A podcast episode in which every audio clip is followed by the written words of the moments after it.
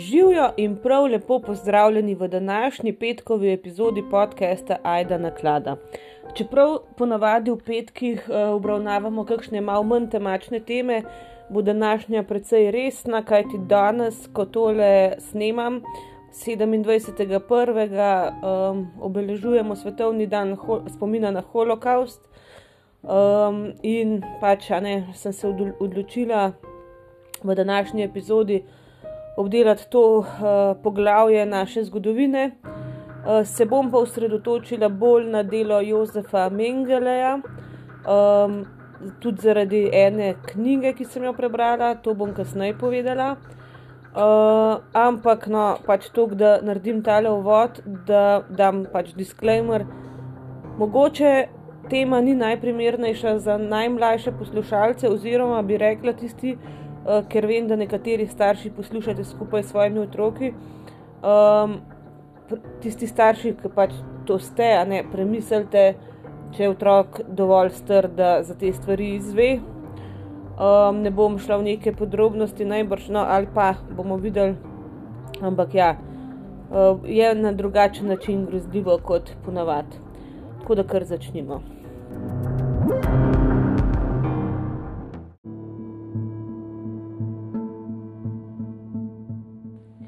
Kot že rečeno, 27. januarja obeležujemo svetovni dan spomina na holokaust. Uh, to obletnico so si izbrali uh, kar uh, na način, no, da so uporabljali datum, ko so 27. januarja 1945, torej 77 let nazaj na današnji dan, uh, vojaki Sovjetske zveze um, osvobodili koncentracijsko taborišče Auschwitz-Birkenau. To je bilo največje, najbolj zloglasno koncentracijsko taborišče in uh, res, kaj se tam dogaja, se najbrž vsi več ali manj vemo.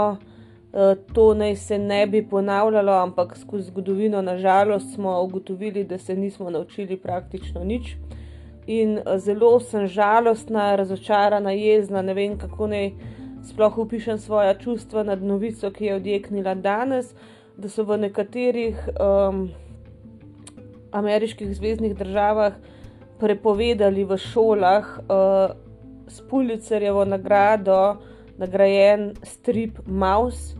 Uh, avtorja Arta Špigelmana, jaz sem ga prebrala v letu 2021, odličen, ena od mojih najljubših knjig v celem letu, Riso roman, uh, v katerem avtor uporabi uh, v bistvu uh, živalske podobe in upodobi naprimer uh, jude kot miši in naciste kot mačke, pa potem so še druge narodnosti kot druge živali upodobljeni. In kaj je namreč spornega za te uh, američane, je to, da je na eni od fotografij, mislim, od ilustraciji upodobljena gola ženska, čeprav je to gola miša, ne? in da je nekaj uh, takšnih kletvic, pa grdih besed noter. Ampak meni je to bovno, sploh da se v to spuščajo, ker je to izjemno delo, ki nam res pri, približa v bistvu razsežnosti holokausta, pa koncentracijskih taborišč, mogoče prav na način, ko nas odmakne od tega človeškega vidika, ko postva, postavi zadevo v uh, živalsko podobo, ne vem, no, mene je strašno pretresel ta strip, čeprav nisem neka ljubiteljica literature uh, z vojno tematiko, ampak ta se mi je zdel pa res. Tako pretresljiv, pa tako, da te lahko, se te lahko dotaknil, in mi je grozno hudo, da se to v letu 2022 dogaja. Ampak kot smo se na tem podkastu že pogovarjali, cenzura dela na polno, se bom na koncu tudi še kaj o tem povedala. No? In uh, žal, žal pač do tega prihaja. Zato sem se pa tudi odločila posneti vse en ta podcast, uh, da tudi jaz malo pripomorem mogoče k temu, da več vemo o tematikah, ki bi jih mogoče vse en rajši kar mal pozabili. Zdaj, če začnemo čist na začetku, jaz kot sem rekla, se bom osredotočila bolj na Mengeleja, ampak seveda najprej treba malo o holokaustu povedati. Zdaj, uh, Adolf Hitler, rojen 1889, vsi vemo, da je bil nemški kancler, to je postal leta 1933 in je zasnoval tako imenovani Tretji Reich. in uh, znotraj Tretjega rajha uh, je v bistvu implementiral neko idejo oziroma politiko, ki jo je poimenoval uh, dokončna rešitev oziroma po nemško Endlösung, kar je pomenilo, da naj bi uh, ne samo izoliral žide v Nemčiji in v državah, ki so bile v povezavi uh, z Nemčijo, ampak da jih je celo naj bi jih izpostavljal najprej raznim pač, ukrepom, ki so bili čisto nasprotju z nekimi človekovimi pravicami, uh, potem čist nekim neprimernim, uh, nasilnim dejanjem, naj bi jih uh, pač izpostavil. No? In um, na koncu je pač uh, verjel, da bi bil ta judovski oziroma židovski problem mogoče rešiti samo na način, uh, da bi lahko eliminiral čisto vsakega juda, pač do katerega bi prišel. Uh, poleg tega naj bi iztrebil tudi razne umetnike, um, ljudi, ki so delali v izobraževanju, se pravi učitelje, uh, Rome. Eh, komuniste, homoseksualce in tudi, seveda, osebe s posebnimi potrebami, torej mentalno in fizično uh, invalidne osebe, oziroma praktično vsakogar, ki bi bil neprimeren za preživetje v nacistični Nemčiji. Seveda, da bi mu to uspel, je naročil postavitev več uh, taborišč smrti. Um, Zdaj, taborišče smrti, pa koncentracijsko um, taborišče sta dve različni stvari. Uh, recimo, uh, koncentracijska taborišča so že obstajala od leta 1933 dalje, to so bili v bistvu neki centri, kjer so zadrževali recimo jude, potem razne politične zapornike in ostale navidezne uh, sovražnike nacistične Nemčije. Uh, medtem ko taborišča smrti, ne, so pa v bistvu obstajala čisto samo zato, da bi uh, iztrebali, pobili žide oziroma jude ne, in ostale nezaželene državljane. Uh, in temu pač dogajanju se je potem uh, reklo holokaust. Se pravi, holokaust je genocid, ki se je vršil v času druge svetovne vojne nad ljudmi in ostalimi uh, skupinami, manjšinami, predvsem. Ne ki se jih je Hitler odločil iztrebiti.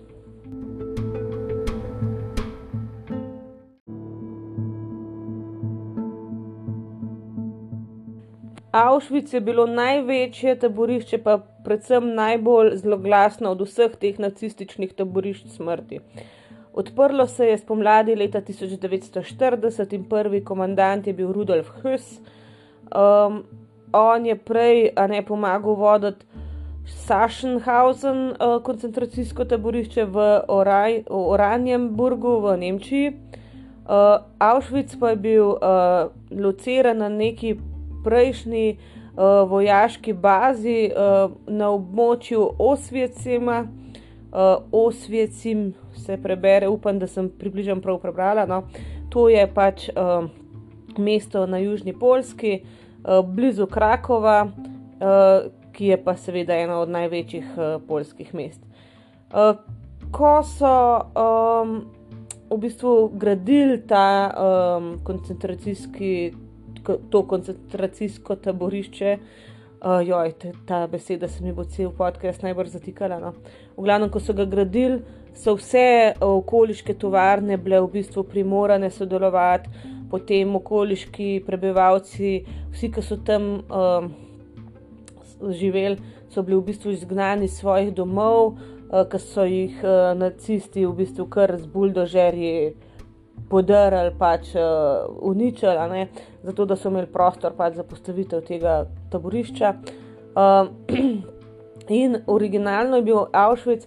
V bistvu tretiran kot da bo koncentracijsko taborišče, da ga bojo uporabljali za nekakšen center, kjer bi zadrževali uh, polske državljane, uh, ne, eh, ki so jih pol aretirali, potem ko je Nemčija sklenila zavezništvo oziroma eh, zavzela pač državo leta 1939. In ti ljudje, ti zaporniki, naj bi vključevali tudi antinacistične aktiviste, politike, uh, potem uh, člane odporniškega gibanja, v glavnem vse, ki so nasprotovali v bistvu nacistični Nemčiji. Ko pa je pač ta final solution oziroma dokončna rešitev Hitlerjeva postala v bistvu uh, uradna politika nacistov, pa ne, je, uh, so ugotovili, da je uh, Auschwitz idealna lokacija za ta taborišče smrti in uh, bila je tudi uh, nekje v bližini vseh držav, ki so jih uh, Nemci okupirali, uh, pač v Evropi, in tudi uh, blizu železniškega omrežja, ki je pa povezovalo med sabo nekako uh, mnoge te ali pa kar vsa taborišča. Ampak ne, niso bili čisto vsi, ki so bili pripeljani v Auschwitz, takoj ubiti, a ne usmrčeni. Tisti, ki so dejansko zmogli uh, delati, so bili uh, nekako prisiljeni v čistužensko delo, uh, proizvajali so uh, razna streljiva, uh, eksplozive, poltoniko, sintetično gumo in ostale, stvar, ostale stvari, ki so bile nujne pač uh, za Nemčijo v drugi svetovni vojni.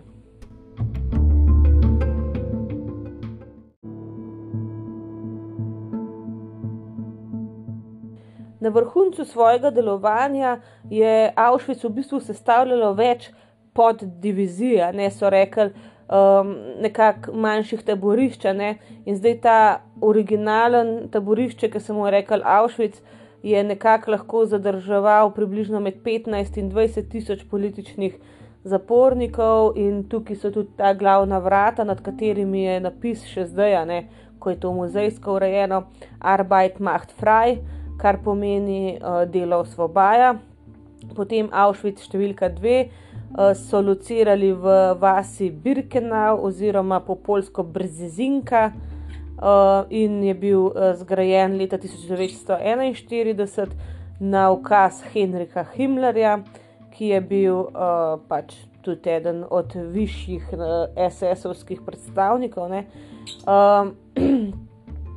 on je pač uh, vodil te nacistične koncentracijske uh, taborišča ne, in uh, taborišča smrti. In Birkenau no, uh, je pa v bistvu bil največji od teh Auschwitzovih podružnic, če rečemo lahko tako, in je lahko zadrževal 90 tisoč zapornikov. Tukaj, ne, tukaj je bilo tudi neka skupina um, koč, hiš, uh, kolib, kar koli. Eh, ki se jim je rekel kopalnice, kjer so bili pa ljudje dejansko uh, zaplinjeni, ne s plinom usmrčeni, in uh, tudi tukaj so bili krematoriji, kjer so pol kurili, a ne pač ta trupla. Tako da uh, večina žrtev Auschwitza je dejansko umrla v Birkenau. Potem je bilo pa še več kot 40 manjših uh, taborišč, ki so jih uh, uh, poimenovali podtaborišča. Uh, o, ta taborišča so bila več ali manj um, delovna taborišča, ne? In največji od teh manjših je bil uh, Monowitz, uh, ki se mu je rekel tudi Auschwitz III, uh, ki je deloval oziroma začel delovati leta 1942 in je uh, lahko držal nekako 10 tisoč zapornikov. No, do nekje sredine leta 1942 je bila kar večina ljudi, ki so bili poslani v Auschwitz, dejansko judov, ne pač tisti ostali, ki so še obstajali, ki so jih tako zelo motili, so bili najbrž več ali manj ne, iztrebljeni, kot koli. V glavnem, ko so prišli ljudje na, uh, pač na mesto, a ne v taborišče, so bili uh, pregledani strani nacističnih uh, zdravnikov uh, in oni so pogledali, kdo je primeren za delo, kdo pač ni primeren za delo, in med temi slednjimi ne, so bili tudi uh, majhni otroci, uh, starejši ljudje, nosečnice uh, in uh, ne, nekateri pač šipkejši ljudje, tako kot smo tudi rekli, razne osebe s posebnimi potrebami, pa invalidi. In oni so bili takoj uh, napoteni pod tuš, ne naj se grejo stoširati, ampak um, ko so prišli pač pod, v te v te kopalnice, kjer naj bi se stoširali, so bile v bistvu to um, plinske celice, zamaskirane nekako v, uh, v kopalnice. In ko, ko uh, so se pač uh, nagnetili v te celice, uh, so bili izpostavljeni strupenemu plinu z imenom ciklon B. Um, in, a ne, pač so umrli. Um, Zdaj ti ljudje, ne, ki so prišli tja in bili takoj uh, odrejeni, da grejo pod tuš, na rekovajih, oni niso nikoli bili uh, uradno registrirani kot uh, zaporniki v Auschwitzu, Auschwitzu, zato je v bistvu nemogoče uh, čist konkretno izračunati števila uh, življenj, ki so bile izgubljene v tem taborišču. Uh, tisti, ki so takoj na začetku nekako šli tem plinskim celicam, ne, uh, jih je pa ogromen, pač nedoločljivo število umrlo od uh, zgaranosti, ne, od preobilice dela, od bolezni, potem podhranjenosti ali pa dejansko samo teh vsakodnevnih naporov in uh, res brutalnih uh, življenjskih okoliščin. In tudi neke skoraj da obvezne uh, dnevne javne usmrtitve, mučenja in tako naprej uh, so se vse čas dogajale, in to pred ostalimi zaporniki, tako da tudi to je bilo najbolj za marsikoga smrtno, ko, pač, ko si videl, kako ubijajo tvoje sojetnike.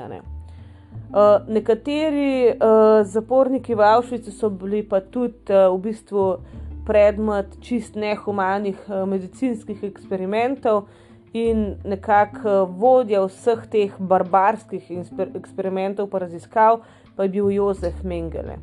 Uh, o njem bomo kaj več povedali v nadaljevanju, ampak on je bil dejansko nemški uh, zdravnik, ki je začel v Avšvicu delati leta 1943. Njega so oni poimenovali Angel smrti in on je nešteto nekih uh, poskusov na zapornikih izvajal, recimo uh, študiral je um, uh, barvo oči, naprimer, kako bi lahko spremenil barvo oči in je injiciral nek serum v očesna zrkla ljudi, potem uh, tu predvsem otroke. Uh, in jim povzročal gro grozne bolečine, potem je kloroform uh, v uh, srca dvojčkov, uh, ubrizgal, recimo, zato da bi opazoval, da bosta oba dvojčka umrla naenkrat ali pa na isti način. Mislim, večinoma je res eh, na dvojčkih ogromen, uh, ogromen nekih eksperimentov izvajal, ampak to bomo še kasneje povedali. No? Um, v glavnem, ogromen ljudi, recimo tudi, ki so nekako pol preživeli na nek način, uh, je imelo um, dejansko posledice zaradi uh, teh preiskav, raziskav, poskusov, ki so se na njih izvajali v Avšvicu in v tudi v ostalih, seveda, koncentracijskih taboriščih.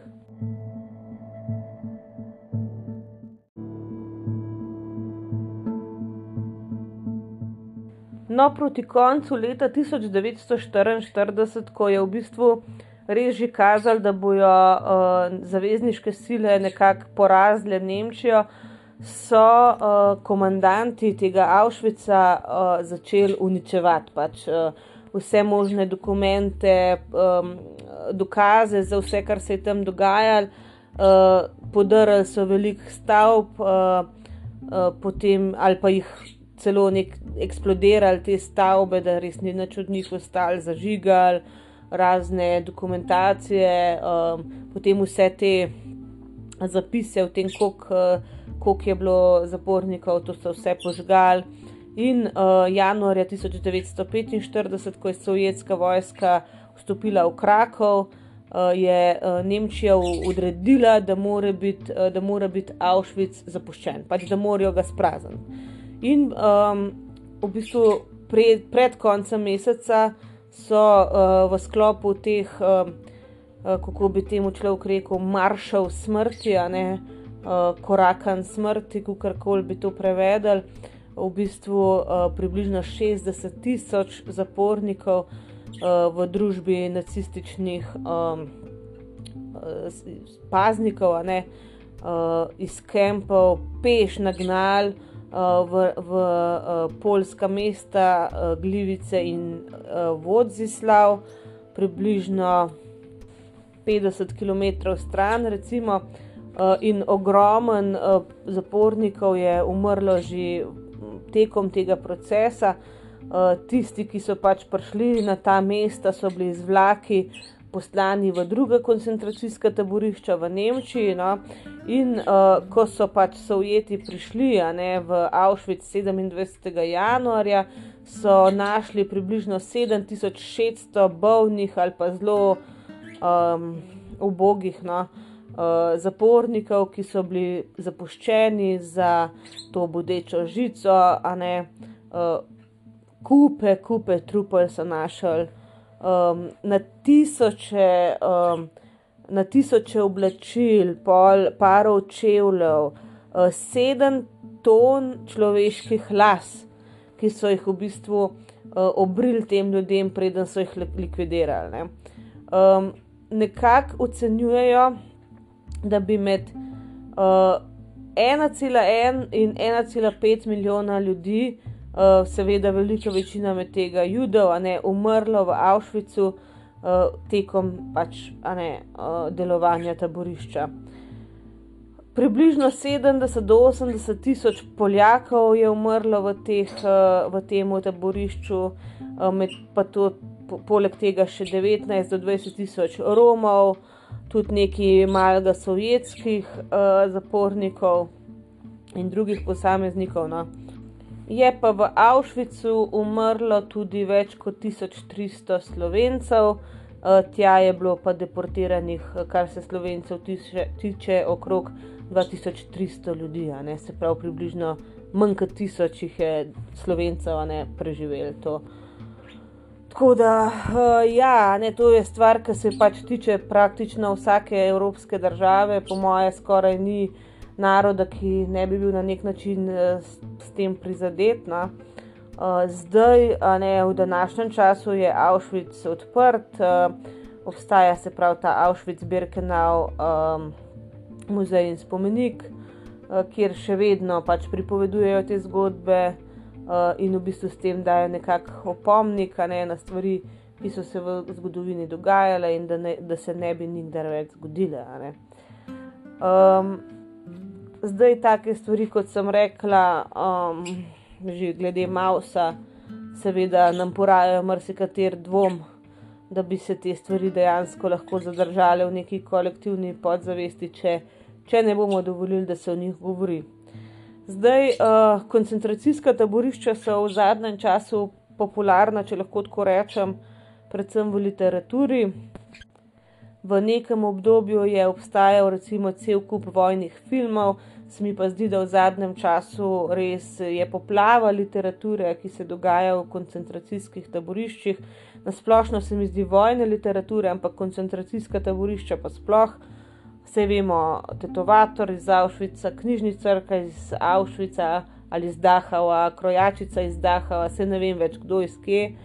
Um, zdaj, jaz sem, kar se tega tiče, prebrala samo tetovatorja iz Avšvica in moram reči, Oh, um, bom raje druge začela. Ena od mojih najljubših knjig vseh časov je Kljub vsemu reči življenju da od Viktorja E. Frankla, ki je v bistvu uh, bil dejansko v Avšvicu kot zapornik in kot psihoterapeut je opazoval uh, nekakšne te mehanizme spoprijemanja s tako traumatično izkušnjo, že tam, pa pol po koncu te izkušnje. In ko sem pač to prebrala, in ko sem brala potem uh, tetovatorja, sem bila, malo se mi je vse gabel, uh, in po eni strani sem bila prizadeta in užaljena, ker uh, če bi bilo to predstavljeno kot fikcija, kot zgodovinska fikcija, uh, bi bilo v redu. Um, ampak uh, glede na to, da avtorica predstavi to kot 96-odstotno resnično zgodbo. Um, se mi zdi pa grozen, da skuša na nek način romanticizirati to, v smislu, uh, pač tukaj glavna tema tega uh, romana je ljubezen med uh, tetovatorjem, ne med glavnim junakom, ki pač bil isto jud in je moral tetovirati pač uh, sojetnike in med enim mladim dekletom, ki ga je on pač tetoviral. In tukaj se dogaja vse sorte, od spolnosti do tega, kako sta se dobivala tam, uh, imela spolne odnose, pol um, en drugmu pomagala. In jaz, glede na to, kaj vem o, doga o dejanskim, dejanskem dogajanju v taboriščih, uh, kar sem prebrala, tudi glede na psihološke. Um, kako bi rekel, procese, no, ki se v ljudeh dogajajo v takih situacijah, jaz mislim, da spolnost ni mogoča. No. Seveda se je dogajalo, da so bile ženske posiljene, naprimer, strani paznikov, pa nacistov, ampak to, ta varianta, ki je v tej knjigi, je totalno napihnjena, eh, res eh, zato, da pritegne neke množice, oh, kakšna ljubezenska zgodba v taborišču, srečen konec, ni da ni, ne ampak dajmo mi biti malo kritični, ne, pa pogledati na stvari ne, z nekega zgodovinskega vidika, ne samo to, kaj se, kakšen pofel se prodaja. Ne.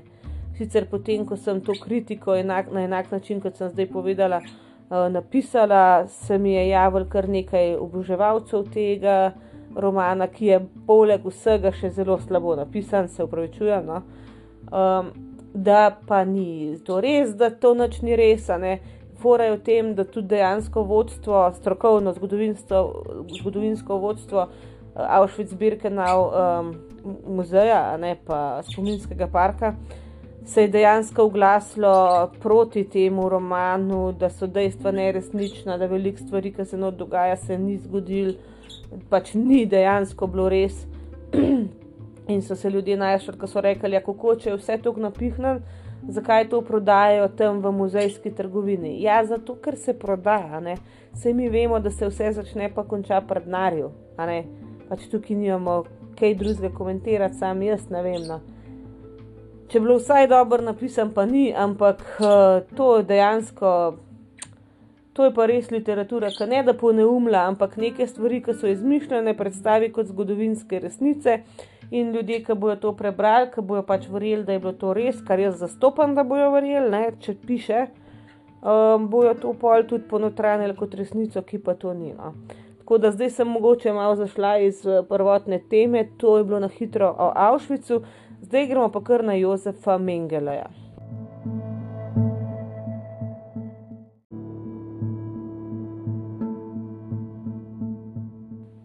Jozef Mengele se je rodil 16. marca 1911 v kraju Günzburg in je odraščal v kar dobro situirani meščanski družini.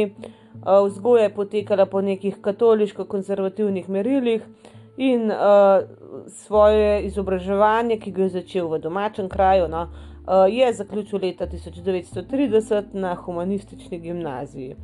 Um, naj bi bil uh, nekje v zlati sredini, da ni izstopal v nobeno smer, ampak v nekem um, šolskem letu je hudo zbolel in je bil dolg čas odsoten, ampak mu je vseeno uspel zaključiti letnik, brez da bi ga ponavljal. Uh, ko so leta 1933 nacisti prevzeli uh, nekako oblast v Nemčiji, on ni nobenih znakov kazal, da bi ga zanimali uh, pridružiti se tej organizaciji. In tudi doma uh, dvomimo, da je bil uh, recimo z nekimi zgodovinskimi dejstvi. No? Ni nobenih dokazov, da bi bil kakšni antisemitistični uh, vzgoji podvržen. Pač njegova družina je dejansko, um, dejansko imela stike z eno od judovskih družin, ki so še potem ostale v Tretjem rajhu. Tako da uh, iz domačega, mislim, iz, iz družine, ne, uh, tega zagotovo ni dobil. Um, Študiral je filozofijo pod Alfredom Rosenbergom in on je imel pa neke rasne teorije, ki so zelo močno uh, Mengele navdihnile in vplivali na njega. In uh, leta 1934, ko je pa že bil potem um, član nacistične stranke, se je uh, pridružil nekemu raziskovalnemu osebju uh, na inštitutu za uh, sprav na inštitutu za uh, hereditarno biologijo, pa rasno higieno. Zdaj tu sem mogla prav pogledati prevod, ki je v bistvu hereditary biology, uh, zdaj drugega nisem mač našla v slovenščini kot hereditarna, uh, upam, da je to nek ta pravi izrazno. Je pa to v bistvu, da bi rekel na nek način genetika oziroma um, znanost o tem, kako se določene stvari prenašajo iz staršev na, na otroke in tako naprej. Uh, zdaj, ko je pač Mengele prispel v Auschwitz, uh, je bil zelo pripravljen nekako napredovati v svoji uh, karieri, kar se medicine tiče, uh, s tem, da bi pač um, res take uh, groundbreaking, kako je to po slovenski, čist sveže, čist nove študije objavil. Uh, in uh, za potrebe tega je začel na živih ljudih res grozen eksperimentirati. Uh, v okviru teh svojih medicinskih nekakšnih tretmajev, če lahko temu tako rečemo, je, tako kot smo rekli, na tisoče zapornikov injiciral z vsem možnim, od od benzina do kloroforma, potem je imel res veselje s študijami dvojčkov, ki jih je dejansko pol tudi seceral. Uh, vemo, da jih je tudi kuhal, recimo, zato da bi uh, samo kostja od njih dobil, in tako naprej. Um, zdaj odlična knjiga. Um, z naslovom Izginotje Josefa Mengeleja, to avtor je Oliver Gues. V tej knjigi je recimo opisan en primer, ki je on dejansko ubil dva, pač mislim, dvojčka. In jih je ukazal skuhati, uh, in sta, mislim, da oče pa sin, kako je že bilo pač to kuhala, sta mogla nadzorovati, in ona dva sta videla nek meso, da se kuha, lačna sta bila, sta začela to jesti in posta ugotovila, kaj to je. V glavnem grozen. To so bile to grozne stvari, ki se jih mi tudi izgrozljivk, a ne, ne moremo predstavljati. Ne. Uh, zdaj, po vojni je Mengele, v bistvu njemu je uspelo uiti. Tudi uh, ne samo v tistih prvih dneh ali pa mesecih, dejansko dolgoročno mu je uspel uh, uiti zaporu in kazni. Uh, najprej je na Bavarskem delal kot nek uh, hlapec tam na eni kmetiji, eh, potem je v Severno Ameriko, v Južno Ameriko prebegnil in je postal leta 1959 državljan Paragvaja, kasneje se je preselil v Brazilijo, eh, kjer se je nekako dobil še z enim nekdanjim uh, nacistom, Wolfgangom Gerardom. Um, in v bistvu leta 1985 je neka mednarodna ekipa forenzičnih um, strokovnjakov odpotovala v Brazilijo, da bi ga pač našla Mengeleja. Um,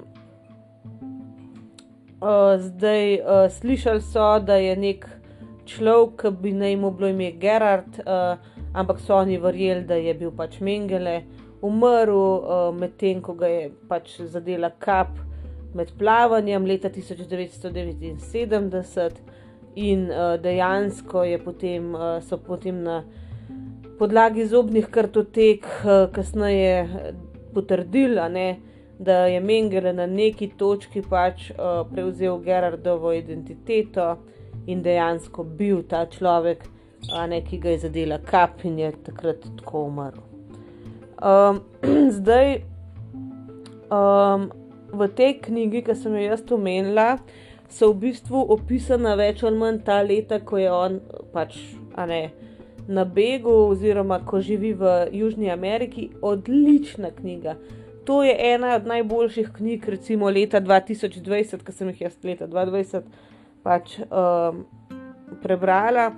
Uh, sicer, ja, seveda, velik del je tukaj fikcija, a ne veliko so pa tudi neka pričevanja ljudi, ki so ga v tistem času poznali, povedali. Eh, vmes so tudi njegovi spomini na stvari, ki jih je počel, eh, dejansko dejstva o teh eksperimentih in tako naprej. In um, to je neverjetno, v bistvu.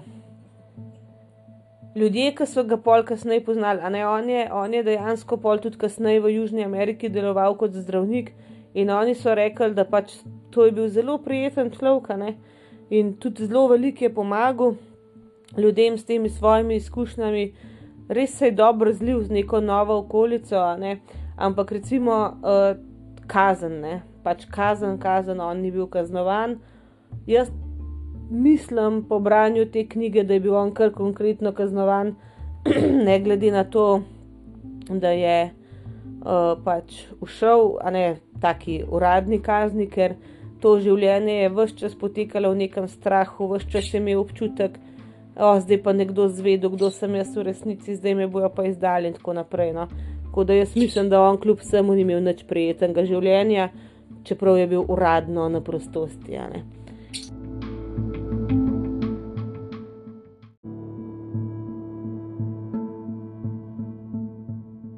Zdaj, eh, tukaj smo zelo na hitro povedali malo o njegovem življenju in delu, ampak zdaj, če gremo konkretneje še eh, na to, če je bil on osumljen, ne, kaj so njemu učitali.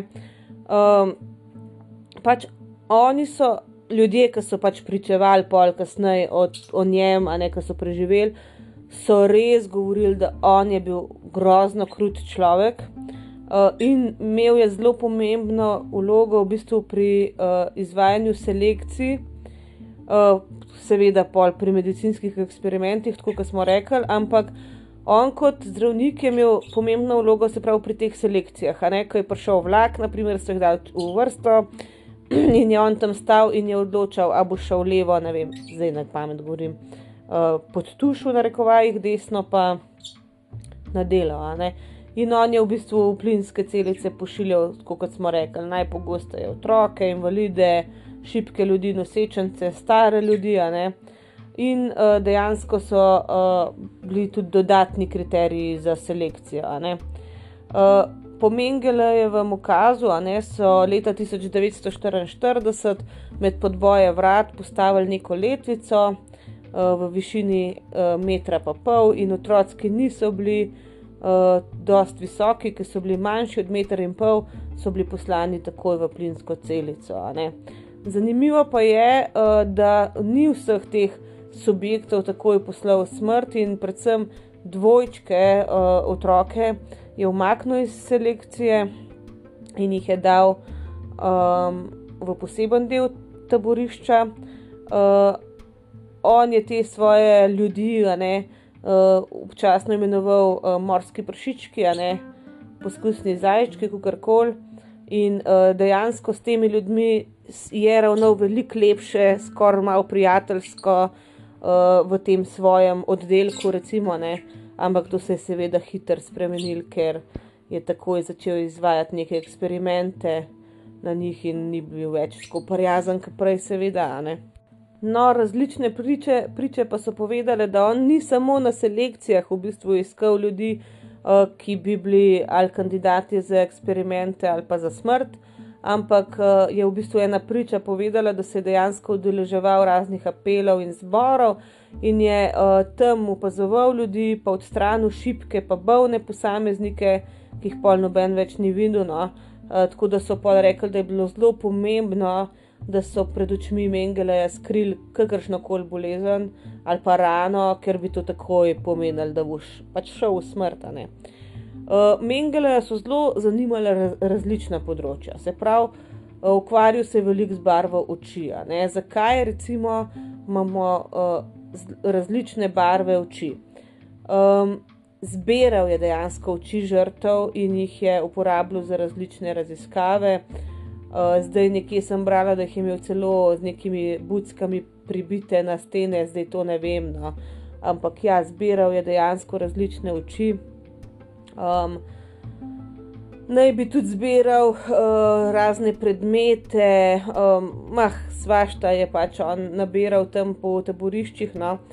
Uh, in recimo, dejansko ena od prič je povedala, da ko je prišla v njegov laboratorij uh, je videla ogromno otrok, ki so bili v strašnih, strašnih mukah. In uh, je povedala, v bistvu, da uh, so tudi njej, ne v bistvu, inicirali različne droge in pol upazovali, kako je ona reagirala na nje. Uh, pol so jo recimo zvezali in v nekem položaju telesa pustili več ur, um, da bi pač videli, kako se bo telo odzvalo. Pol so ji recimo povzročali rane in opazovali, kako so se rane odzivale. Uh, recimo, pol so uh, izvajali neke poskuse z vodo, naprimer, da uh, je Mengele eno od prič prisilil, da se je potopila najprej v vročo vodo, pol na, v čist mrzlo vodo in pol še nekajkrat ponovila to, in on je opazoval, kaj se s telesom dogaja. Uh, potem, kot smo že rekli, um, Mengele je zelo rad izvajal um, poskuse na dvojčkih. Oh, ne, eni dvojčki so bili pač podvrženi menjavi krvi, se pravi, da je dvojček prejel kri svojega brata ali pa sestre in obratno, in to je več ali manj kar vodil v smrtne primere. Potem so jim razni, uh, razne zdravila ubrizgavali, uh, enemu, enemu ja, drugemu ne, pa so opazovali, pol, kako bo telo reagiralo. Pol so jim s punkcijami odzemali kostni mozek ali pa uh, operacije na njih uh, izvajali. Um, potem uh, so recimo začeli s poskusi na glasilkah nad enim paru dvojčkov, ker sta imela čist različne glasove in sta vsakih par dni dobila neko substanco, uh, zaradi katere sta pa, pač dobila utekline, vročino, uh, sta unemela dejansko. No. Um, in tudi, recimo, starši, ki bi želeli zaščititi svoje otroke, ne, so bili lahko. Ne kaznovani in uh, mama dvojčic uh, je hudis in le je huber, je v bistvu slišala svojih črki, ki sta zaradi Mengelejevih poskusov uh, s krvjo, a ne kričali in ko je poskušala um, preprečiti, da bi jim to še delali. Um, So ji dejansko v vratu ubrizgali potem injekcijo meningitisa, zaradi tega je ona dubla pol hudo vročino in izgubila sluhno. Tako da, ja, ni šlo nekaznovano, karkoli si se uprl. No. Uh, nekatere, nekateri eksperimenti so vodili celo v paralizo, uh, potem, ne vem, recimo enemu bratu in Mengele injiciral neko tekočino, ki mu je povzročala ogromno bolečino, um, njegov brat, ne, Eh, pa je bil izbran za en poseg, uh, en poskus, no, ki so ga kar neki operirali večkrat in je bil zaradi uh, ene od operacij paraliziran. On je hotel pač Mengele, a ne s temi eksperimenti dokazati manj vrednost ras, da so ene bolj podvržene določenim uh, degenerativnim uh, procesom, predvsem je hotel dokazati, da so ljudje pa Romi manj vredni uh, in uh, je pač uh, zbiral tudi vzorce tkiv, pa delal telesa uh, in um, ogromen. Uh, Ljudi je bilo usmrčenih samo zato, ker je pol rabu narediti še pregled oziroma obdukcijo, še pogledati kakšne druge organe. Tako da njemu so bili ti ljudje res čist, čist sam zato tam, da je on lahko z njimi delal, kar mu paše.